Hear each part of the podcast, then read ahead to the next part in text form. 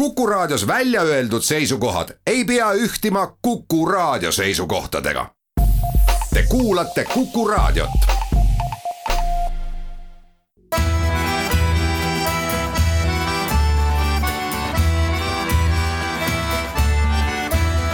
Kirillitsas Eesti tere päevast, head raadiokuulajad, eetris on Kirillitsas Eesti, saatejuht Pavel Ivanov ja stuudios Jevgeni Kristofovitš, tere, tere. noh, täna on neljapäev kuues ja vaatame, mida siis venekeelne meedia toob sellisel teemal nagu eelseisev pühapäev, aga mitte emadepäeva kontekstis kahjuks, vaid üheksanda mai kontekstis, ehk siis mida kavatsevad teha need, kes ürit-, kes kavatsevad läbi viia äh, üritusi seoses äh, äh, võidupühaga. ja vot see aasta on nagu selline kummaline situatsioon, et me kõik mäletame, et eelmine nädal, kui ma ei eksi, või üle-eelmine juba.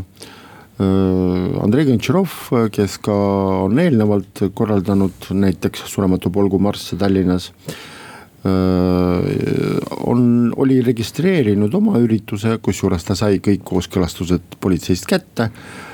ja järsku ta siis selle nädala alguses äh, teatas, et äh, vähemalt tema poolt registreeritud üritus jääb ära, kuna selgituses, tema selgituses meediale oli öeldud, et rahva tervis on palju olulisem ja seetõttu rahvaüritus jääb ära. koheselt ilmus välja Sergei Tšaulin, kes on samamoodi seotud olnud äh, ka Surematu polguga ja ka teiste äh, üritustega, mis äh, puudutavad näiteks üheksandat maid või siis üldse suur aktiivne osaleja kõikides üritustes, mis puudutavad endist National Sorry ja sellega kaasnevaid organisatsioone. Äh, tema kiirustas siis teatada, et siis nemad siis registreerivad oma ürituse, et igal juhul see toimub. see kuidagimoodi vaibus ära ja nüüd siis täna me saime teada, et äh, politseis on äh, registreeritud tegelikult Shaolini üritus, aga mitte see, millest ta rääkis algul ma vaatan praegu politsei e-kodulehel, et mõlemad üritused, kusjuures on täiesti Aha. üleval ja see Andrei Gontšarovi poolt on see surematu polgu rong käib ka täiesti olemas, noh, võib-olla siis see ei toimu lihtsalt, aga äh, nad ei ole sellest politseile veel teada andnud. ja siis äh, sinu poolt mainitud Sergei Tšaulin, kelle kohta mina nüüd äh, praegu olen rohkem nagu meedias kuulnud seoses nende Toompea üritustega, et ta siis on nagu meil tuntud no, maskivastane. aktiivne protestija. aktiivne protestija ja just, just ja tema siis korraldab siis äh, Äh, automarssi võidupüha tähistamine, et põhimõtteliselt sama automarss, mida need äh, samad piirangute vastased on siis sinimustvalgetega nagu korraldanud siin juba mitu korda ja see marsruut on ka sama. et algusega Paldiski maantee, Endla tänav, Kaarli puiestee, Vabaduse väljak ja nii edasi, et kuni Paldiski maanteeni välja, et see noh, neile tuntud marsruut ilmselt lihtsalt sinimustvalget vahetatakse siis Georgi lindi vastu ja. no skeem on väga lihtne, et on ja. olemas šabloon mille järgi siis korraldada mingisuguseid üritusi, mis on. korraldajad samad ja üheksas mai kellaaeg kell kaksteist kuni neliteist. vaata, ma olen nagu paar saadet järjest rõhutanud seda, et nii ühel seltskonnal, nii ka teisel ideoloogilist ühtsust nagu, ideoloogilist ühist platvormi kindlasti pole mm. -hmm. siis mind ikka huvitab nagu see, et, et kuidas nad on siiski üksteist leidnud, et ähm, kas siis ei saa ju öelda, et üheksanda mai auto. kolonn. kolonn, et see oleks mingi protest. samas, eks ole, maskivastased, kes on nagu Toompeal, no need on ilmselged protestijad. et ähm, mille alusel nad üksteist leiavad tead, hea küsimus, mul äh, täna Delfis äh, küsis just sedasama, et kas ei tundu mulle, et äh, üheksanda mai tähistamine Eesti kontekstis on rohkem nagu protestiüritus. ja ilmselt noh, võib-olla mingis, mingis mõttes on, sest noh ma ei tea, võib-olla noh, üheksakümnendatel ma olin ju laps, et tegelikult, aga noh, ma mäletan, et kas pronkssõduri juures ei olnud nii palju nii massiliselt rahvast kunagi vähemalt mina ei mäleta. Mm, kui ma olen sealt nagu näiteks mööda sõitnud, ma olen, ma olen ise ka kusjuures nagu paar korda käinud äh, seal äh, ja, ja siis no oli noh, ma ei tea, kümmekond inimesi tavaliselt selle pronkssõduri juures üheksandal mail, aga mitte rohkem. siis kui noh, ma, kui praegu, kui me võrdleme seda, ma ei tea, kaks tuhat kuus, kaks tuhat seitse aastaga, kui see, need olid viimased aastad, mil Aljoša oli Tõnismäel või siis äh, praeguse ajaga, kui palju sinna mm, Äh, kalmistule siis äh, inimesi äh, igal aastal saabub, et kindlasti on inimesi rohkem, et ilmselt on natuke motivatsioon veidi teistsugune, et natuke võib-olla selles on ka nagu sellist noh, üldistatud protesti. Ja saime teada ka seda, et ka Sillamäel ei toimu planeeritud surmatu polgu marssi. Noh, ma ütlen sulle rohkem, et isegi Narvas ei toimu, kus äh, värske äh, EKRE fraktsiooni liige Larissa Olenina on seda aastaid äh, korraldanud, siis sel aastal seda ei toimu ja Larissa Olenina teatab oma Facebookis, et nüüd kõik toimub virtuaalselt, et saab viktoriinis osaleda. no see on üks põhjus, teine põhjus on võib-olla see, et ta on värske EKRE liige ka võib-olla. ja, ja, aga no viktoriini ta korraldab sellegipoolest ja siis tema isiklikud küsimused selle, selles viktoriinis on näiteks seotud Nõukogude Liidu kangelastega, kes on Narvaga seotud. ja siis, et kui te neid äh, kangelasi teate, siis minge tema Facebooki lehele ja vastake kindlasti, siis saate üheksandal mail mingisuguse auhinna. kuigi EKRE juhid on rõhutanud seda, et vaatamata sellele, et äh, on olemas äh, eriseisukoht kasvõi selle üheksanda mai suhtes, üheksanda mai öö, osas neil nagu mingisugust sellist pretensiooni või siis keelustamise tahet ei ole. kusjuures ühest väga öö, adekvaatsest infoallikast ma kuulsin, et nagu see Gontšarovi ja Tšaulini seltskonnad, nad on omavahel rivaalitsevad. kes siis viib läbi ürituse ja kelle üritus on vingem hmm., et sellepärast nii, kuidas mulle öeldi, Tšaulin nagu ootaski seda hetke, millal siis Gontšarovi seltskond ütleb ära üritusest või siis mingisugustel põhjustel seda läbi viia ei saa. et siis kohe kiirustada ja registreerida enda omad. noh, tundub, et äh, niimoodi vist tuli välja, eks äh, pühapäeval näeme. reklaam pärast oleme eetris taas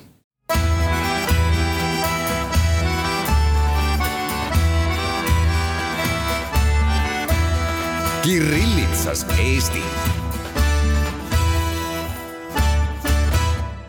jätkame saadet ja kuna meie saate kõige esimeses pooles või siis esimeses veerandis me põgusalt puudutasime Narva ja EKRE temaatikat, siis viskamegi pilgu sinna regiooni taas. ja ega ma niisama ei kasutanud sõna pilk, sellepärast et EKRE hakkas Narva linnas välja laskma venekeelset ajalehte, mille nimi eesti keelde tõlkides on pilk ehk siis vzgled ei ole tegelikult äh, üllatav see samm, sellepärast et me teame, et äh, EKRE teeb suhteliselt tõsiseid ponnistusi selle jaoks, et minna välja oma nimekirjaga sealkandis ja loodavad, et nad saavad hääli. Suhteliselt palju, et saada teatud Äh, poliitilisi dividende eelseisvatel sügisvalimistel.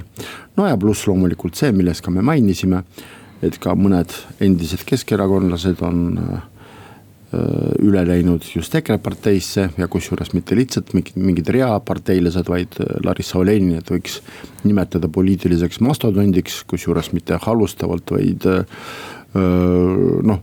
ajalooliselt jah, ütleme selgituseks nii palju et äh, mis sa arvad, kas see ajaleht kuidagimoodi mõjutab narvakaid või äh,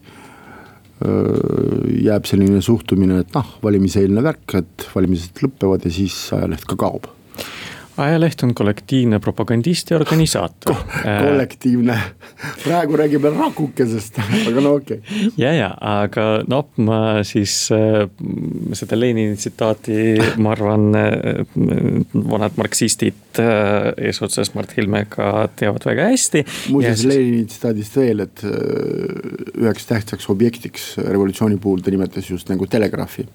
jah ja, ja, see ka haakub just, just, aga siis äh, selles samas äh, ajalehes Vzgljad on äh, üks huvitav artikkel artikkel, see e, siis EKRE poolt, et see on anonüümne, lihtsalt all on kirjas EKRE. ja siis artikli pealkiri on äh, Narva repressioonide all ja küsimärk.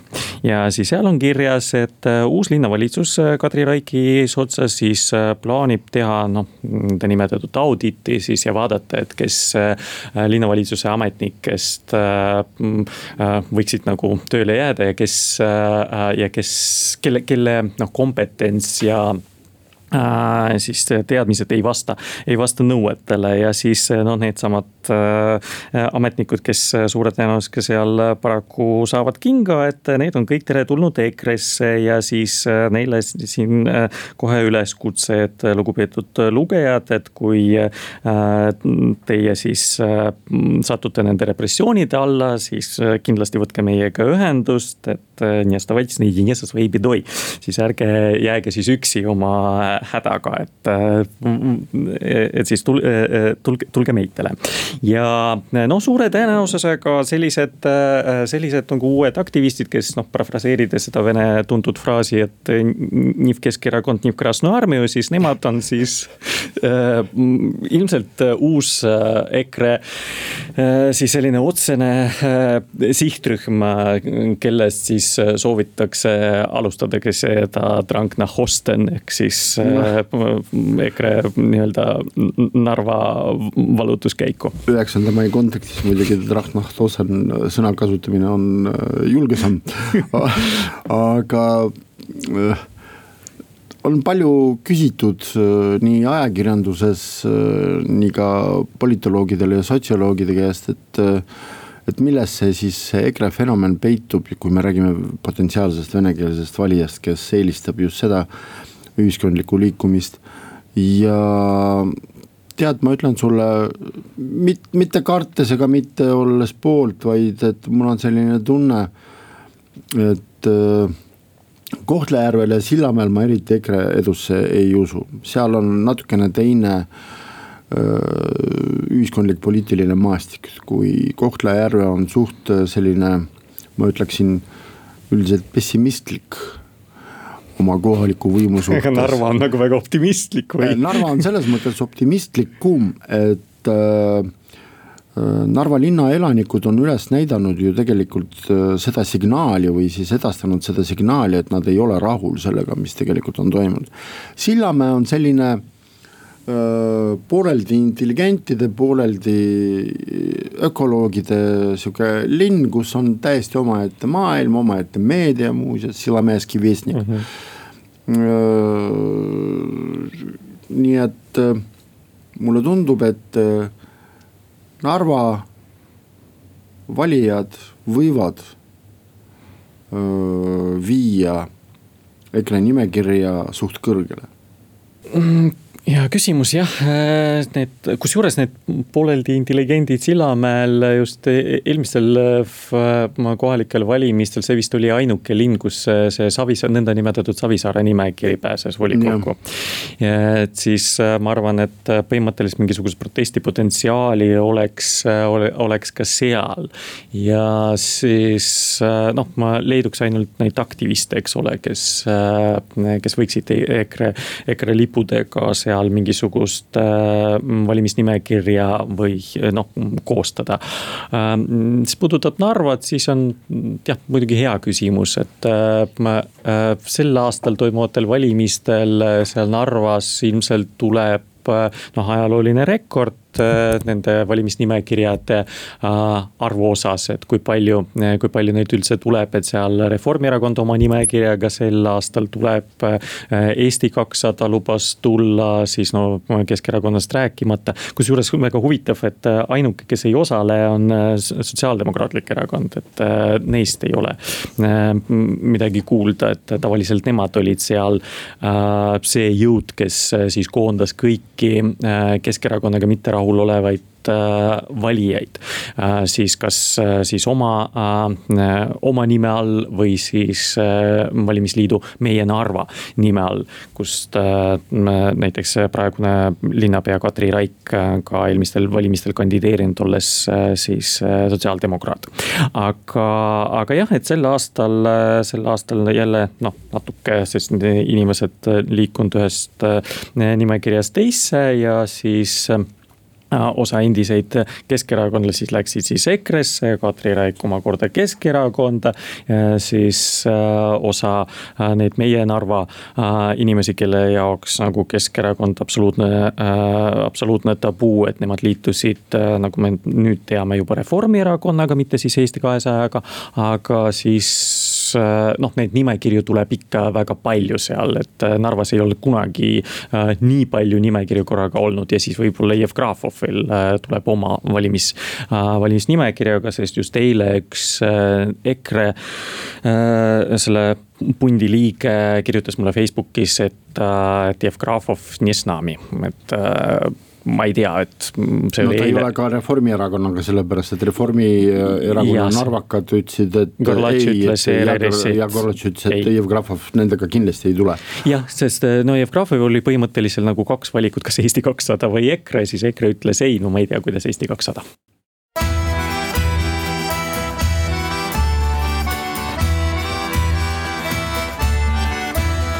Kirillitsas Eesti meie saade jätkub, saatejuht Pavel Ivanov stuudios, külaliseks Jevgeni Kristofovitš.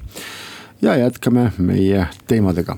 sel nädalal äh, ühes äh, venekeelses väljaandes kõlas üks väga huvitav arvamus, et äh, kui me räägime võimalikust presidendikandidaadist, siis ühe arvamuse kohaselt, kui presidendiks saaks Jüri Ratas siis see tõukaks rohkemgi eemale venekeelset elanikkonda Keskerakonnast. väga üllatav, ma mõtlesin tegelikult natukene just vastupidi. jah, et äh, mine ka. no see oleks nagu väga stereotüüpne ja mis oleks ka tegelikult loogiline. jah, Jüri Ratas, kes on tuntud oma reljeefsete väljaütlemiste poolest kindlasti oskaks äh, väga, väga palju seda negatiivset tähelepanu siis äh, Keskerakonnale äh, tõmmata siis venekeelse valijaskonna seas. naljaga poolest loomulikult öeldud, et ma ei tea, mul, mul on see natuke loogika võõras, et miks, miks just. et kuidas, kuidas, kuidas ta seda, kuidas ta seda oskaks mõjutada, vot ma ei tea, tõepoolest see on tõesti, see on öö, üllatav arvamus, võib-olla, võib-olla siin mängib öö, rolli üks asjaolu sellest ajast siis, kui Ratas oli peaminister. et on ju ka ette heidetud, kui me räägime muuseas valitsuse sajast päevast, mis nagu sel nädalal möödus mm. -hmm, yeah et siis on ju ette heidetud seda, et äh, ei praegune ega just eelmine, ehk siis Jüri Ratase valitsus. Pole mitte midagi teinud selle jaoks, et näiteks äh, normaliseerida suhted Venemaaga. ja võib-olla see fakt, et äh, Jüri Ratas on noh, selge äh,, kuidas nüüd öelda äh,, Euroopa Liidu positsiooni pooldaja kui me räägime suhetest äh, Euroopa Liit ja Venemaa. et äh, siis võib-olla inimeste arvamus sellel ka baseerub, et ah, et Jüri Ratas ei hakka suhteid parandama kui just oodatakse presidendilt, et ta oleks nagu väga aktiivne nii-öelda suhete parandaja ma, ma üldse, kui noh, ma võrdlen Eesti presidente, siis need ainu ainukesed, kes, kes on Moskvas käinud, olid siis kas Toomas Hendrik Ilves või siis eh, Kersti Kaljulaid, et Arnold Rüütel näiteks äh, kordagi äh, Moskvasse sõitnud pole, vaatamata sellele, et äh, ta on saanud mitu-mitu äh,, mitu-mitu kutset. et äh, ja siis ta on selgelt öelnud, et ta ei lähe.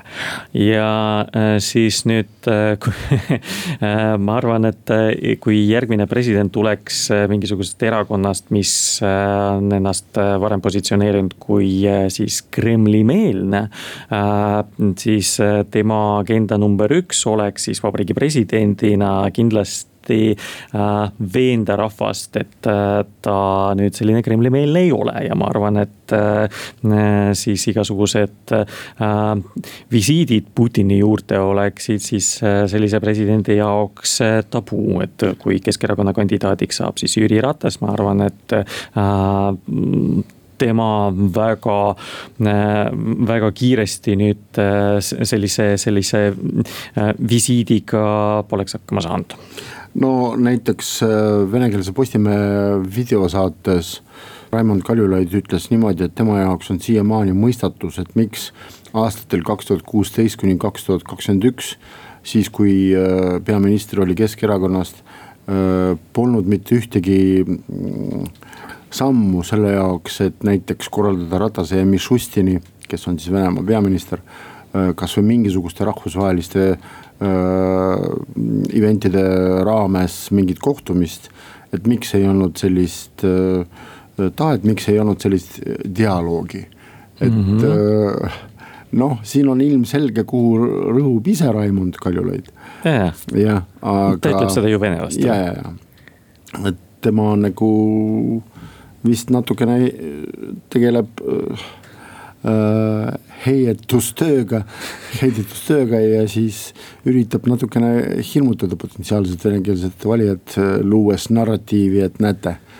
et nagu oleksid omad, aga mitte midagi omade jaoks väidetavalt ei tee Eh, just eh, ja siis eh, no ma jälle siin tegelen endale mitte siis kõige iseloomulikuma tegevusega, siis kiidan Keskerakonda, aga ma pean ütlema ka, et praegune Keskerakonna poolt ametisse määratud välisminister, kes ei ole keskerakondlane, äh, näiteks äh, tegi avaliku ettepaneku, et Eesti võiks äh, anda siis poliitilist varjupaika Aleksei Navalnile. et suure tõenäosusega see ka nii-öelda see Keskerakonna tuumvalija jaoks nii-öelda kõige populaarsem idee just ei ole. aga seda, seda siis ütles Keskerakonna poolt ametisse nimetatud minister, siis noh, jah, et need Keskerakonnaga mitte seotud äh, välisministrid tavaliselt olid need, kes äh, vähem rääkisid, aga rohkem tegid, on ju. ja siis äh, nii sanktsioonide osas olid nagu proaktiivsed ja siis aitasid igasugused need Vene äh, opositsioon ja äh, opositsiooni algatusi mm, siis toetasid omalt poolt nii Eestis kui, äh, kui Euroopa tasandil.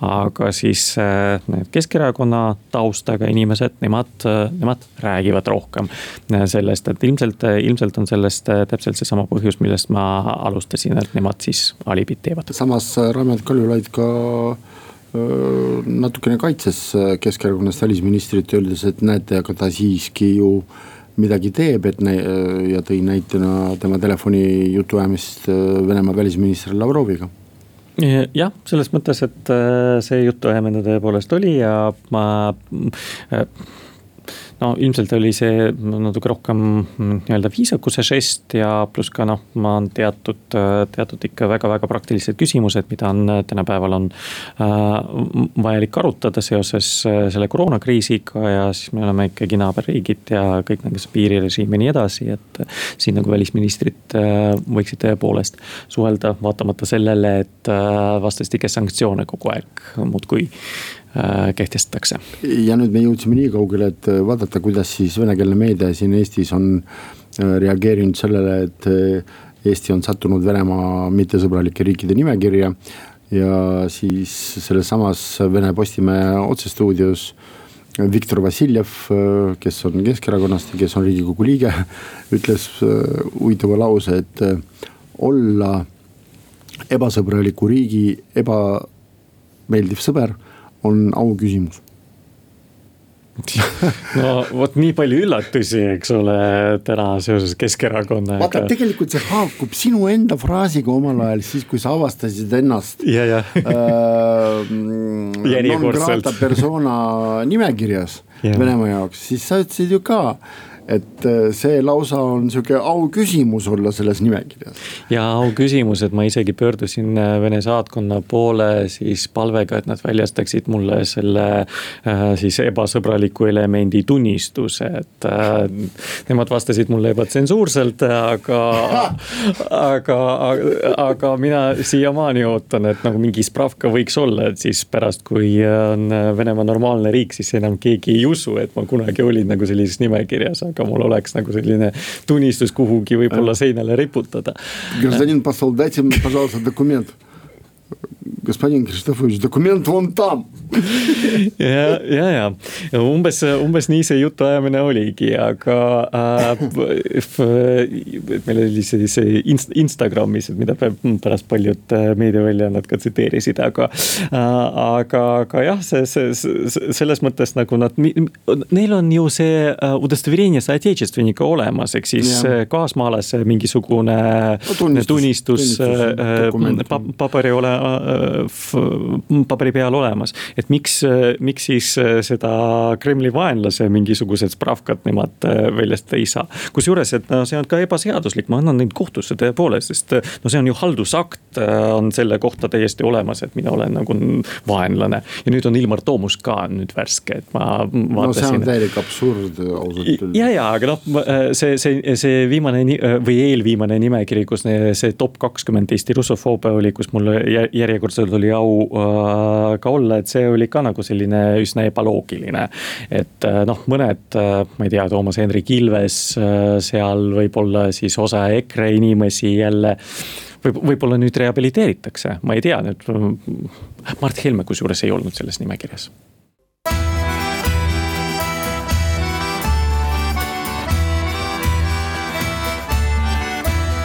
Kirillitsas Eesti Lähme oma teemadega edasi ja venekeelses meedias on äh, ilmunud üks väga huvitav arvamus. kui me kõik vaatasime ja jälgisime äh, seda protsessi, mis kaasnes riigi raha jaotamisega äh, tähtsamatele kultuuriobjektidele, siis loomulikult inimeste tähelepanu oli kontsentreeritud, mis saab siis Rahvusooper Estonia juurdeehitusest või siis uuest mingisugusest saalist nimelt selleteemaline arvamus tuli Lasnamäe linnaosa vanemalt Vladimir Svetil poolt, kes tegi ettepaneku. noh, kui me räägime Lasnamäe linnaosa vanemast ja uuest hoonest, ei ole vaja palju mõtiskleda ja arvata. ta tegi ettepaneku, et see uus hoone, Rahvusooper Estonia uus hoone võiks asuda Lasnamäel ja ta selgitab seda sellega, et tsitaat, no mida siis Lasnamäel, tähendab, millest on Lasnamäel veel puudus? rahvuskultuuri objektist. et kõige lähem on siis Kumu, mis on Lasnamäe serval. Ja mis ka ei ole nagu Lasnamäe territooriumil, aga samas kirjutab Vladimir Svet, et me juba pikki aastaid kuuleme sellest, et osa meie ühiskonnast on rahvuskultuurist eraldatud. ja mis saab siis olla efektiivsem, kui öö, hoone, mis tekitabki selle kultuurse ühinemise mm.. ma olen, ma olen vist kaks aastat tagasi vist käinud välja selle mõtte, et mis oleks veel tõesti Lasnamäel veel vajalik. Lasnamäe on niivõrd enese öö, täiuslik linnaosa. et veel kaks aastat tagasi ma mõtlesin, et sinna on vaja veel loomaaed, kino ja tõkkepuu et ja, ja, ja, ja. lennujaam on isegi olemas. Mis sa arvad sellest mõttest, et Rahvusooperi uus hoone võiks olla Lasnamäel?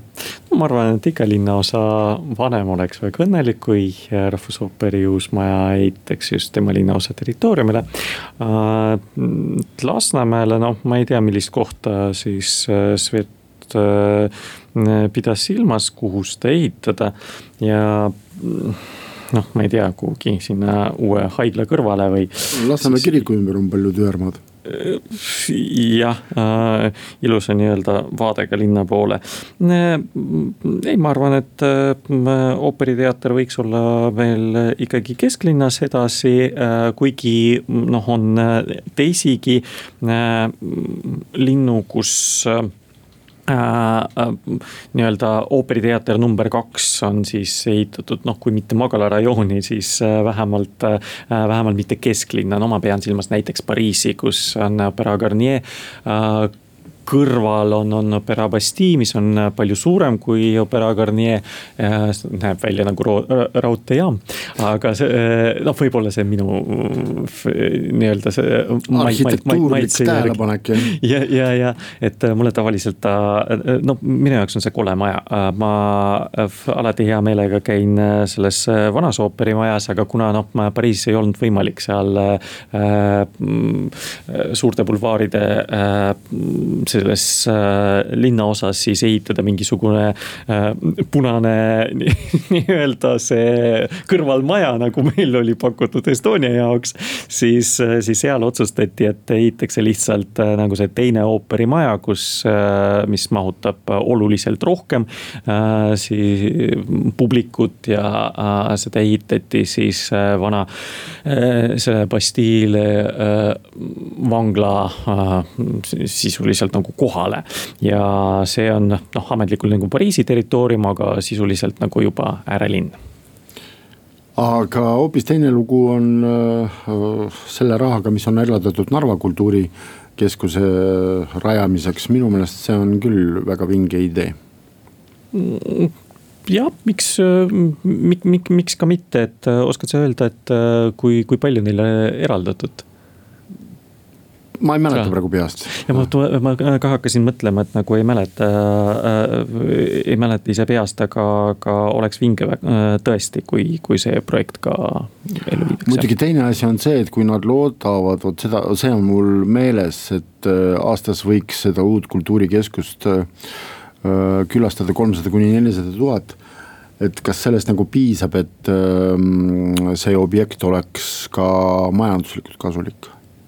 Kolmsada, nelisada tuhat tegelikult ei ole eriti palju ja äh, ma millegipärast olen natukene skeptiline, et äh, rahvavood hakkavad siis sinna just selle keskuse pärast äh, voolama, kuigi Narva. samas ah,. Narva jah hmm., kuigi samas Narva linna avastamise kontekstis võib-olla mul on ka vale illusioon tead, ma võin sulle öelda, et äh, noh, mitte, et Narva ei ole muutunud veel minu teiseks kodulinnaks, aga, aga ma noh, natuke ma ikkagi töötan äh, ka Narvas, et äh, ja siis ma võin sulle öelda, et Narva on tõesti muutumas selliseks ilusaks Eesti tõmbe, kultuuriliseks tõmbekeskuseks. see on seesama, millest me tegelikult rääkisime alguses, kui me rääkisime poliitilisest kultuurist või siis poliitilisest äh, ütleme niimoodi vektorist. jah, jah, jah, jah, kas ka selles kontekstis on ju, aga jah, pärast seda, kui Vaba Lava ehitati äh, sinna ja siis äh, nüüd tehakse see sellest vanast Kreenholmist ka äh, skulptuurikeskus, et ma arvan, et et äh, see Narva on äh, iga eestlase jaoks selline must see, eks ole, loetelus, et äh, igaüks peaks äh, vähemalt korra elus või, äh, või, või mitu korda, on ju, siis Narvat äh,, Narvat külastama, et noh, see ei ole ju saladus, et üheksakümnendatest alates vähemalt on ju, on siis väga paljud inimesed on äh, siis võinud, noh, meie kaasmaalased võinud öelda, et äh, nad ei ole kunagi Ida-Virumaal ega Narvas käinud või kui Ida-Virumaal üldse kuskil, siis, äh, siis kindlasti mitte Narvas. seda enam, et Narva linna sissesõidu punktis on nüüd restaureeritud Narva linna märk mm. -hmm. mis, mis tegelikult vajas seda tegu juba ammu, aga meie tänane saade on. Äh, kiired rongid ka käivad. jah, lõppenud, tuletan meelde, et stuudios oli külaliseks Jevgeni Kristofovitš, aitäh sulle. saatejuht oli Pavel Ivanov, aitäh kõikidele kuulamast ja kohtume nädala pärast taas